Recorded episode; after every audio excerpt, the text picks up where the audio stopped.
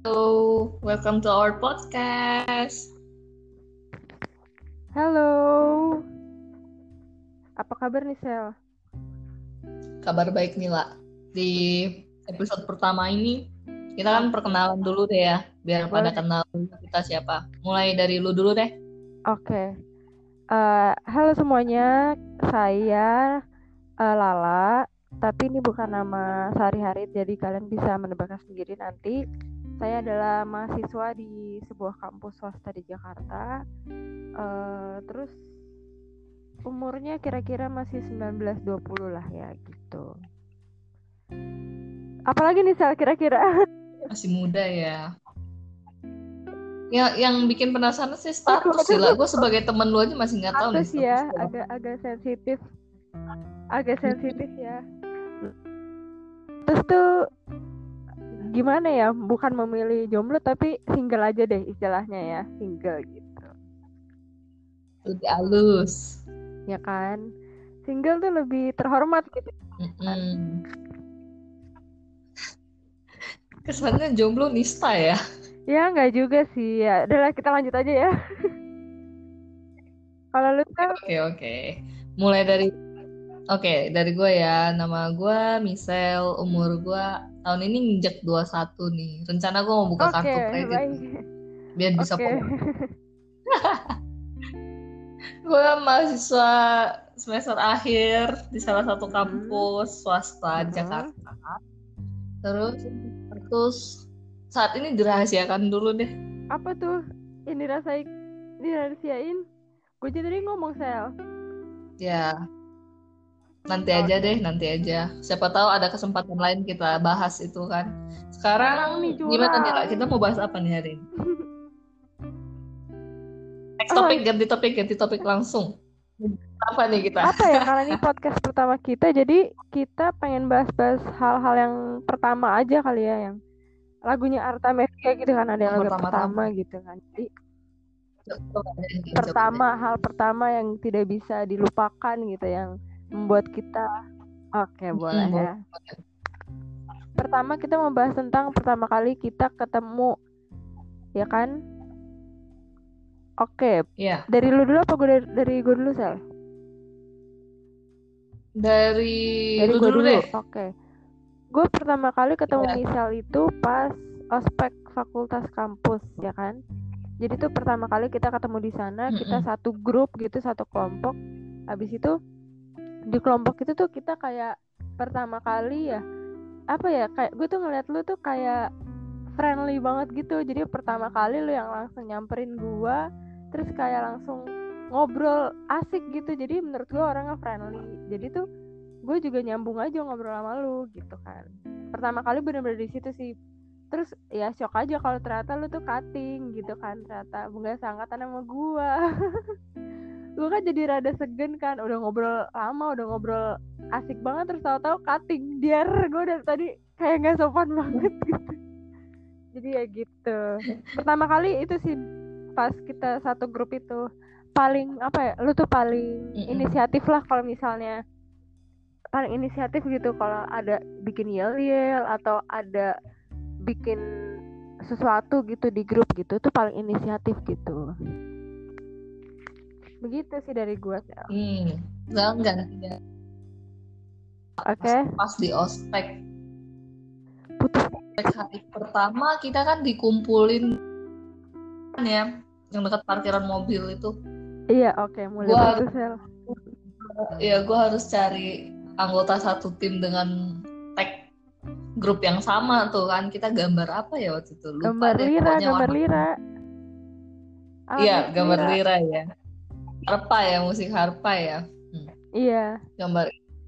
Terus ngeliat lu kan, oh ini satu kelompok sama gua nih. Tapi waktu itu gue belum berani nyamperin lu lah, beneran. Gue masih kayak serius belum, gue belum Eh. berani nyamperin lu. Padahal gue udah ngeliat lu duduk di, lu duduk di dekat parkiran motor sama parkiran mobil kan ada bang kayak bangku gitu yang bisa didudukin kan yang dekat tanaman. Kayak si ini temen lu, gue boleh sebut namanya nggak nih? inisial aja si G kan si G Si G bener ah, si G. Nah di situ gue belum nyamperin. Eh, gue nyamperin gue masih bergabung tuh sama temen gue yang satu angkatan sama gue kan cuma masalahnya gue sama mereka tuh beda kelompok Hmm. akhirnya pas kita di satu oh gue lihat gue liatin nih muka anggota kelompok kita kan gue yang paling gue inget tuh lu si G sama si V sama si cowok deh si cowok itu satu Oke. yang klop banget sama gue Iya, iya. udah kayak adik. Nah di situ gue ngeliat kan gue pun belum berani ngobrol sama lu dulu kan lah kayak gue masih cuma ngeliatin ngeliatin nih muka tampang tampangnya terus gue nih unyu unyu semua. Gimana ya gue ngomongnya ya? Akhirnya kan kita naik ke aula tuh. Iya. dari naik ke aula baru kita ngobrol kan. Oh yang gue kagetnya pas eh, dengar suara lu buset nih orang kecil-kecil kok suaranya nggak tahu gitu warna suara lu itu anjay kayak kayak juri Indonesia Idol gak warna suara. Warna suaranya tuh gimana gimana? iya warna suaranya tuh kayak beda aja gitu kan unik kan unik banget. Terus gue gue ingat banget tuh kita harus bikin yel yel gue tanya di situ ada yang bisa nyanyi kagak? Ya kan? Ada nyanyi. Iya, iya. terus tapi kok nggak ada yang angkat tangan padahal dalam hati gue pasti si Lala ini bisa karena suaranya tuh unik banget cuma lu nggak angkat tangan mungkin karena masih gak enak kali Aduh, ya aduh, aduh, Cuma- aduh. Masih malu, Iya. Kak. Waktu itu masih malu. Kak, aduh kak banget panggil ya gitu deh kesan pertama gue yang paling berke- berkesan di gue tuh suara lu yang unik sih Gitu ya. Gitu ya. Oke, oke. Baru lu Sal yang bilang unik di suara. Biasanya tuh uniknya di rambut atau uniknya tuh di apa gitu yang lain.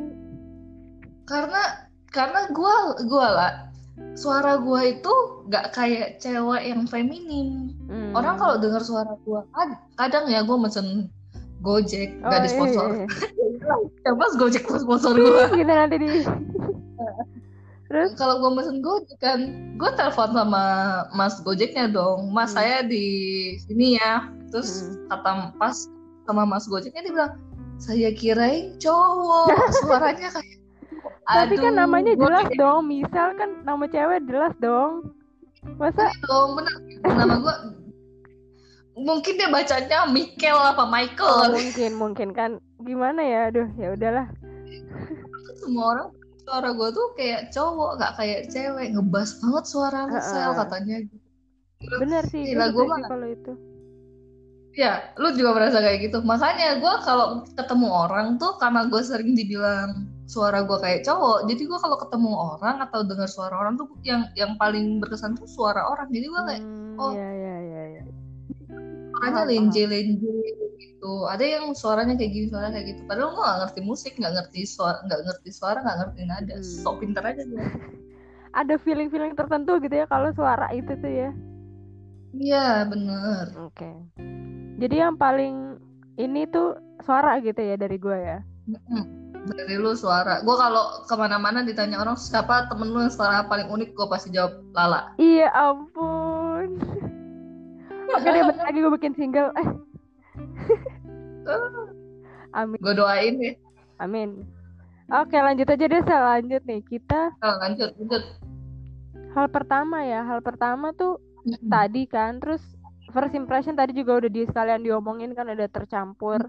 Bareng mungkin ini udah kali ya kayak apa sih kita kenapa masih padahal kan udah jauh banget gitu. Kita kenalnya di ospek fakultas. Sekarang lu udah masuk akhir gue udah semester 4 gitu kan. Jadi tuh apa sih yang bikin kita tuh tetap eh, kontekan gitu tetap nyambung? Kalau ngomong tuh kira-kira menurut lo apa sel? Kalau pertama kali ya kalau menurut gue ya yang bikin kita bisa reconnect lagi ya abis ospek itu sebenarnya kita Mhm. agak agak nggak ada Mm-mm. kontak ya lah ya. Cuma iya. aku ingat banget iya. tuh lu story insta story lu tuh yang lu datang ke kelasnya Ernest iya betul betul. Di situ. Iya. Wah, gue kayak find my soulmate gitu. Akhirnya ya Tuhan ada orang yang minatnya sama. Kayak gue gue langsung nge DM lu. Di situ kita kita banyak ngobrol banyak ngobrol kan? Iya. Eh, eh, lu banyak iya abis itu? Info-info gue tentang kelasnya si Ernest itu juga akhirnya iya. Mutusin untuk nonton film bareng. Iya nonton apa ya kita tuh? OKB ya orang kaya baru. Hmm, parah sih Atau itu. nonton apa ya? Iya orang kaya baru. Oh iya iya iya. Kita nonton Iya. gokil Oh, kita Wah kita iya nonton sih. di mall. Gue juga baru inget tonton nama lo. Iya iya iya. Gue juga baru inget tonton nama lo. Astaga. Iya iya. yang bikin Terus kita kan waktu itu ketemuannya di perpus kan waktu itu di perpus kita kita ngobrol banyak. Mm-mm. Terus kita jalan kan ke ke mall itu buat nonton kan jalan kaki kan ya. Iya karena deket kan kampus kita tuh kanan Kampus- kirinya mall gitu kan jadi agak-agak tekanan sebenarnya. Nah, terus dari situ em, kita sering ketemu lagi karena gue lumayan ya walaupun gue sambil kerja gini gue lumayan sering di kampus ya lah ya lu sering ngeliat gue gue sering Iya. Eh di perpus ngapain sih lagi? padahal kelas gue masih malam banget itu tapi gue udah nongkrong aja di perpus Iya. kesannya gue anak Hari kesannya gue nerd banget gitu ya nongkrongnya di perpus padahal emang mungkin belum ada tempat yang lain aja. padahal karena perpus Jangan- dingin dingin aja sih gue suka aja perpus kita tuh nyaman banget vibe-nya Oh iya. dingin sih. terus sunyi sih ya Ah, tapi kalau menjelang UTS sama tenang lah, Mm-mm. baru enak buat belajar, enak buat baru di perpus gitu. sih yang kita baru mulai gua apa lu dulu ya yang gue bilang eh kayaknya gue deh gue bilang lah kita mau nggak bikin Hmm? project kayak gini podcast begini begini begini Iya, lu duluan sel, itu lu duluan, itu lu duluan gue inget banget. Jadi Hmm. pertama-tama kan gue, menurut gue itu adalah hal yang baru ya, ada apa ya sesuatu yang, duh kayaknya enggak deh, karena sangat baru banget nih buat gue. Iya, Tapi iya. pas kayak gue coba dengerin, coba nyari referensi dari yang lain tuh kayaknya wah menarik juga nih kayaknya asik juga gitu kan. Terus tapi bener-bener belum ada waktunya kan waktu itu tuh kayak gue sibuk apa, lu sibuk Iya, apa, akhirnya tuh gak gak kesampaian lah baru kesampaiannya sekarang ini gitu kan. Bener-bener menurut gue itu suatu hal yang baru jadi aduh gak dulu deh tapi ternyata penasaran juga gitu. Iya, akhirnya ada juga hitungan setahun ya kita dari awal kita mau bikin sampai terrealisasinya kan baru sekarang nih setahun ya lah ya. Heeh, kita pending. Kira-kira saat iya lama banget. Kita kalau mulai lebih terima kasih corona. Iya. ada sisi terima kasih corona. Juga ya? Quarantine podcast. Iya. Gitu sih. Jadi gitu kan? Mm. tapi kalau dari segi gue sih kalau gue nyambung sama orang gue apa eh, bisa klop sama orang tuh ya karena karakternya gitu sih kalau dari gue ya. Misalnya dari karakternya tuh asik nyambung. Terus misalnya dari lu juga tuh ada suatu target gitu di antara kita berdua. Misalnya kayak lu ngajakin gue bikin podcast gini tuh juga prosesnya lama kan setahun gitu. Terus eh, adalah ken- ada kendala waktu lah. Terus ada apa ya hal-hal yang nggak kita sangka gitu bisa jadi penghambat di sini. Terus akhirnya eh kayak di suatu malam gue tuh kepikiran aduh lama-lama akhir-akhir ini tuh kok gue sering ini ya sering voice note gitu sama temen gue gara-gara malas ngetik. Gara-gara malas Mm-mm. ngetik jadi gue sering voice note kan. Abis itu wah seru juga nih gue dengerin suara gue tuh kadang-kadang gue dengerin suara gue sendiri lagi gitu loh. Padahal obrolannya nggak penting. Jadinya oh kayaknya seru juga nih yang ajakannya Michelle nih. Jadi tuh gue kayak ah yaudah deh iyain dulu aja gitu kan. Siapa tahu ada sesuatu hal yang baru yang gue dapet. Dan kebetulan juga kan ya masa corona gini waktu lowong banget dong banyak banget. Jadi ya kenapa enggak gitu kan? Gitu sih. Iya gue juga awalnya rencana bikin podcast ini bingung nyari Hmm, Tahun. gitu. kapan gitu ya gue dengerin gue mulai dengerin podcast di YouTube dengerin podcast di Spotify. Gue kayak ih Hmm, sounds cool gitu. Karena gue anaknya nggak nggak suka di depan layar. Hmm. kalau kayak bikin YouTube wah representable-nya tuh harus di dari muka kan ya. Muka Hmm. harus kelihatan gitu. Nah gue tuh anaknya lebih suka yang di belakang layar gitu loh. Kayak podcast. Keren nih orang bisa bahas sesuatu yang menarik Hmm. tapi cuma dengar suaranya. Ibaratnya cita-cita gue dulu tuh jadi penyiar radio. Gue nggak bisa jadi penyiar radio yang bikin radio gue sendiri dong. Yaitu podcast. karena oke. penyiar radio itu terlepas dari uangnya banyak atau enggak ya menurut lo tuh pekerjaan yang keren. Karena kayak setiap kita gue pagi nih berangkat kantor pasti dengarnya radio Hmm, Desta Gina in the morning. Iya. Siang lalu. Tahu tuh gara dia apa nanti tuh? sore. Mm-mm, nanti sorenya gili- gilirannya si siapa? Danang Darto dulu tuh masih ada kan. Iya, nah, iya gue juga sering sering dengerin dengerin lagi. kayak, gue juga sering dengerin Danang oh, Darto. keren banget radio itu. Ngakak kalau Danang Darto mah padahal bercandanya nggak lucu tapi kalau dia yang ini tuh lucu aja gitu. Iya. kalau dia yang ngelakuin ya dia ngomongin Mm-mm. kayak lucu gitu. Padahal kita karena kita kayak orang ya, di mobil diem-dieman nih. Misalnya di mobil empat orang diem-dieman cuma dengerin radio doang. Bisa tiba-tiba ketawa di, di waktu yang sama dong gara-gara dengerin radio. Wah berarti radio tuh juga salah satu cara pencair suasana juga ya di mobil ya mobil awkward gitu kan biasa tiba-tiba dipecahkan dengan lawakan dari radio. Akhirnya yang yang di mobil itu ngobrol bahannya radio kan. Oh iya lucu nih bagian ini. Ngakak banget kayak gitu. Oh iya iya iya. Kayak pengalaman banget nih Sel. Iya kan karena gue orangnya kan paling nggak bisa diem ya. Gue dimasukin ke Hmm, ke lingkungan yang diem. Hmm. wah us. kadang gue bingung. Gue kayak ceria happy bisa ngajak mereka ngobrol duluan kan kayak ada suatu saat yang Hmm. males lah ya udahlah tunggu nanti aja gitu baru ngobrol. Hmm. Oke oke. Cukup menarik cukup menarik ya. Mm, gitulah asal mu asal muasal kita merencanakan podcast ini. Yo terus ya Terus? Apa lagi nih? Hmm, kalau gue sih mungkin kecenderungan nih kali ya. Mm-mm. Biar orang tuh mungkin makin kenal sama kita karena ini podcast pertama jadi apa ya biar orang tuh makin kenal sama kita, makin deket sama kita, makin merasakan apa ya kehadiran kita gitu.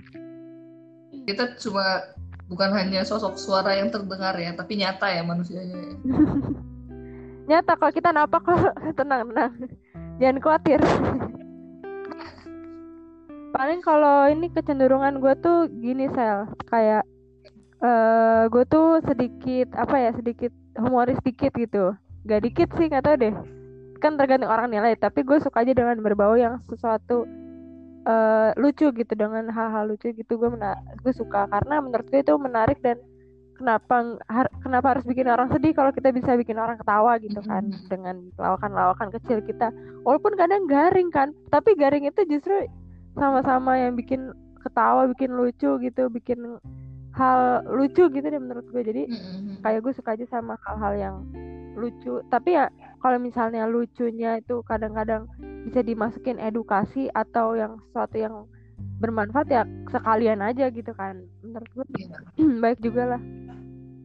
Abis itu kalau menurut gua apalagi ya kalau kecenderungan gua tuh eh ini loh gua tuh suka menceritakan hal-hal yang apa ya gue tuh melihat diri gue tuh ini loh suka menulis. Jadi gue tuh suka menulis apa yang ada di diri gue gitu. Misalnya gue lagi pikiran apa gue lagi rasain apa itu selalu gue tulis. Karena gue media yang paling yang paling menerima kita tuh ya kalau kita tulis sendiri. Kadang-kadang kan media, media sosial kita bisa dapat feedback yang kurang baik jadi tuh menurut gue yang paling udah kita nulis aja di kertas gitu. Kayak semacam diary gitulah. Cuman kan ini mm, gue nggak serajin nulis diary sih. Kalau diary kan tiap hari bener-bener tiap hari. Gue kadang-kadang ada bolongnya lah. Jadi yang bener-bener misalnya perasaan gue tuh lagi di dalam masa puncak-puncaknya banget nih lagi kesel atau lagi bahagia ya biasanya gue tulis gitu karena apa? Karena lagi ngerasain ini ini ini gitu. Jadi gue list satu persatu apa yang bikin gue merasakan seperti ini gitu. Jadi gue lebih terbiasa menulis lebih terbiasa mm, melist down apa yang ada atau mungkin kayak harapan-harapan gue ke depannya gitu-gitu jadi gue menilai diri gue apa ya orang yang terstruktur kali ya. Tapi kadang kalau gue Iya. tertekan dengan kestrukturan gue itu ya jadinya Eh, pan apa jadinya gak gak sehat gitu. Jadinya ya kembali lagi ke yang pertama gue mencari hal-hal yang lucu yang bisa menghibur diri walaupun garing tapi ya kan paling gak senyum dan ketawa tuh udah menandakan lah kalau mood kita tuh kembali baik gitu gitu sih kecenderungan mantap mantap kalau lu sal Um, kalau gue, gue juga sama ya kayak lu. Gue suka sesuatu yang lucu. Gue paling benci tuh sesuatu yang berbau-bau horor. Gue nggak suka. Hmm, sama, sama, sama, sama, sama, serius-serius sama. Karena gue orangnya. Gue, eh, kayak lanjut dulu deh, lanjut dulu. gue kalau gue ngomongnya nggak suka ya. Tapi bener emang gue takut banget sih sama yang Hmm. begitu gituan. Cuma udah tahu gue takut ya jangan jangan ngajakin gue nonton horor atau apa gitu. Jangan. Kalau lu gimana? Kalau gue tuh sama banget juga, gue apa ya benci horor tuh karena gue kalau nonton sesuatu nggak harus horor juga, masa kalau nonton film sesuatu gitu pasti gue bayangin kalau itu diri gue dan apa ya kira kebayang terus gitu loh. Sedangkan kalau horor itu kan banyak yang eh, ngagetin-ngagetin, terus banyak yang sosok-sosok aneh-aneh gitu. Gue hmm, bener-bener jadi parno. Gue tuh pernah nonton film horor Indonesia gitu, terus yang kayak ada di bawah kayak mereka tuh tiba-tiba ada di bawah tempat tidur gitu loh. Dan kebetulan tempat tidur gue tuh juga ada ruangnya gitu dan gue nggak tahu kenapa jadi parno sendiri. Padahal kan itu cuma nonton film kan. Jadi ya udah gue belajar dari situ. Oke stop. Gue stop nonton film horor dan ya udahlah gitu mungkin bisa lebih ke arah takut ya berarti ya tapi ya gue mindset diri gue udahlah nggak usah nonton film horor lagi lah mendingan nonton film komedi gitu sih menurut gue karena daripada kita lah. ditakut-takutin kan mendingan dibikin ketawa ya kan Tanya deh. hmm? gue gak suka horor karena horor itu setan kan ya yang berbau-bau mistis gitu tapi gue suka thriller.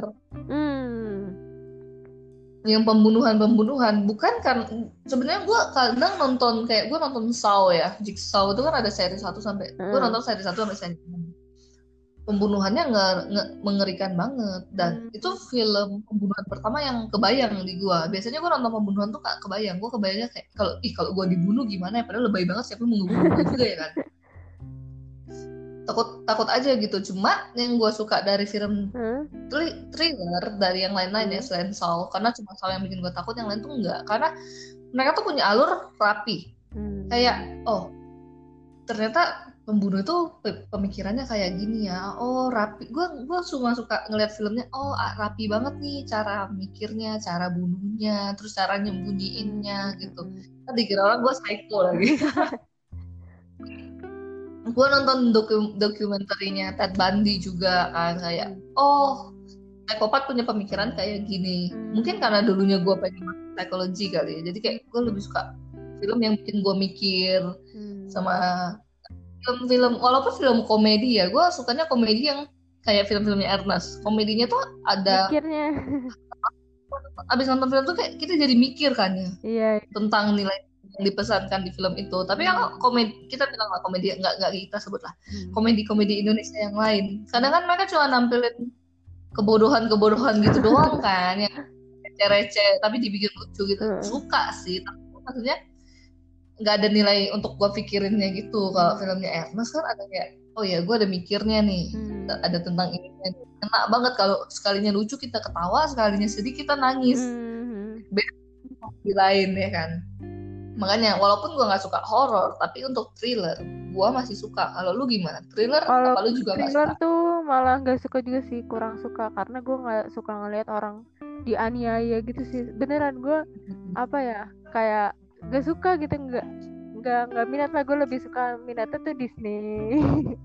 Terus kayak film komedi eh tapi gue mau jawab mau jawab ini dulu nih. Eh, fun fact. Nggak sih fun fact ini apa enggak jadi waktu itu gue pernah Mm-mm. podcastnya Ernest dia tuh bilang ada eh, tokoh luar negeri lah yang dia baca bukunya dia tuh bilang eh, kalau misalnya kita bisa ngobrol dengan ribuan orang ribuan orang itu kan kayak penontonnya nih film itu mempunyai kekuatan berbicara dengan eh, ribuan orang dengan dalam kegelapan dalam kegelapan tuh maksudnya sesuatu pembicaraan yang intim jadi tuh Hmm. kalau misalnya waktu dua jam atau waktu berapa jam film itu tidak digunakan untuk melakukan hal yang baik seperti kayak ngasih pesan cerita yang baik dengan apa ya itu kan suatu ke keresahan juga kan yang diomongin di film-filmnya dia kan kayak uh, body shaming di film terakhirnya terus ada susah sinyal tuh kayak hubungan yang rusak antara ibu dan anak gitu-gitu kan. Itu juga di pegangan dia sih mungkin dalam bikin film karena dia dia tuh uh, mempercayai kalau misalnya dalam film itu nggak harus nggak harus ada nggak harus ada pesannya tapi di menurut dia sendiri sayang aja kalau waktu dua jam itu tidak digunakan untuk membicarakan hal-hal yang uh, intim hal-hal yang kayak apa ya menyadarkan orang gitu sih. Jadi mungkin itu yang jadi panutan dia dalam bikin film kali ya. Jadi orang-orang tuh harus ada pesan dah yang dibawa setelah nonton film gua gitu gua nonton mm -mm. bukan beda film kali ya belajar dari film waktu itu podcastnya ada lima podcast gitu karena dia ada lima film itu bagus-bagus banget sih dan kayak wow ternyata begitu ya caranya biasa ini kita kita ngomongin Ernest tuh udah kayak oh, iya. lancar banget ya karena ya, idola sih ya cara pola pola pikirnya bagus yeah. nanti mungkin di episode kita akan bahas film-film paling berkesan buat kita deh ya kan boleh karena kan waktu itu mm -hmm. belajar bikin kelas skenario gitu kan pernah sempat di mm -hmm. jadi gue lumayan membaca nih pola-polanya gitu mm -hmm. Oke okay lah, itu untuk next aja. Boleh. Terus mau lanjut lagi. Kecenderungan gua tuh, gua orangnya hmm. beda lah sama lu. Lu kan struktur ya, hmm. apa-apa ditulis. Hmm. Nah, kalau gua enggak. Gimana tuh? Sekalipun gua meeting sama sekalipun gua meeting sama klien, gua nggak pernah bawa buku catatan. gua selalu Iya beneran. Kadang bos gue sampai, lu kok nggak bawa buku catatan? Gue bilang nggak apa-apa, karena gue nggak, gue males nyatetnya. Gue ya? nyatetnya langsung di otak gue. Hmm. hmm gue inget. Jadi kayak beberapa orang ih saya lu inget ya begitu juga lu bisa inget ya padahal lu nggak nyatet gitu jadi gue kayak melatih lah melatih pikiran gue sebenarnya alasan klise sih sebenarnya gue memang males aja nulis gitu iya ketahuan Terus, deh makanya karena gue nggak terstruktur kayak gitu hmm. orang-orang banyak bilang gue tuh free spirit jiwanya bebas hmm. banget gue terserah gue bener-bener ngelakuin apa apa tuh kayak ya kalau menurut pandangan gue itu benar dan itu tidak merugikan orang lain gue akan lakuin walaupun orang akan ngomongin misalnya eh lu, lu begini sih lo nggak takut diomongin sama mereka mereka kan nggak suka sama lu. Dan gue selalu bilang kalau mereka nggak suka sama gue gue ngelakuin hal sebaik apa pun pasti mereka akan cari celah mm -hmm. kalau gue tuh jelek jadi buat apa benar-benar untuk menyenangkan mereka sedangkan diri gue enggak kita melakukan hal itu kan harus diri kita dulu senang gitu kan. Selama kita nggak ngerugiin atau nyakitin orang lain itu bebas itu hak kita untuk kita lakuin gitu. Hmm, setuju sih. Setuju banget sama yang lu bilang tadi kalau semuanya berasal dari diri kita kan. Kalau misalnya kita nggak seneng yang ngelakuin apa aja kayaknya jadi nggak ada hasilnya gitu kan. Terus kalau misalnya orang lain emang udah nggak suka sama kita kita kayaknya mau ngelakuin apa aja tuh selalu salah gitu kan. Kayaknya tuh selalu ada aja yang kurang gitu kan. Selalu ada yang nggak sesuai lah sama ekspektasinya dia gitu kan.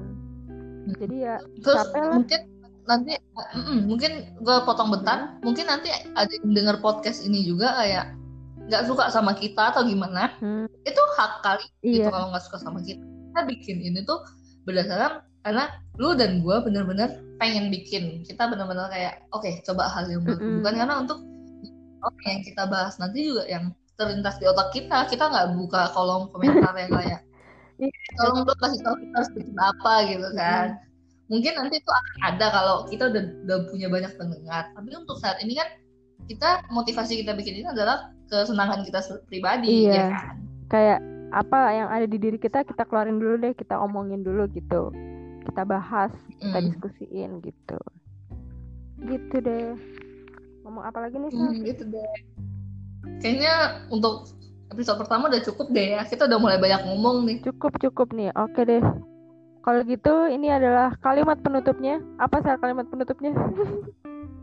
Mau bilang aja thank you untuk yang mungkin nanti akan dengerin. Entah itu dengerinnya dari episode pertama atau itu loncat ke episode-episode dulunya baru dengerin yang ini. Cuma thank you udah dengerin support kita terus. Kita anak baru banget di sini. Kita bukan siapa-siapa iya. cuma pengen mengungkapkan keresahan aja. Iya betul. Mengungkapkan apa muncul di benak kita gitu aja kita juga nggak bukan yang ahli-ahli banget sih ngebahasnya kita cuma kayak based on pemikiran sederhana lah iya. pemikiran sederhana benar ya Oke deh, terima kasih buat kalian semua yang sudah mendengarkan. Terima kasih juga misal buat waktunya, cie di tengah kesibukan.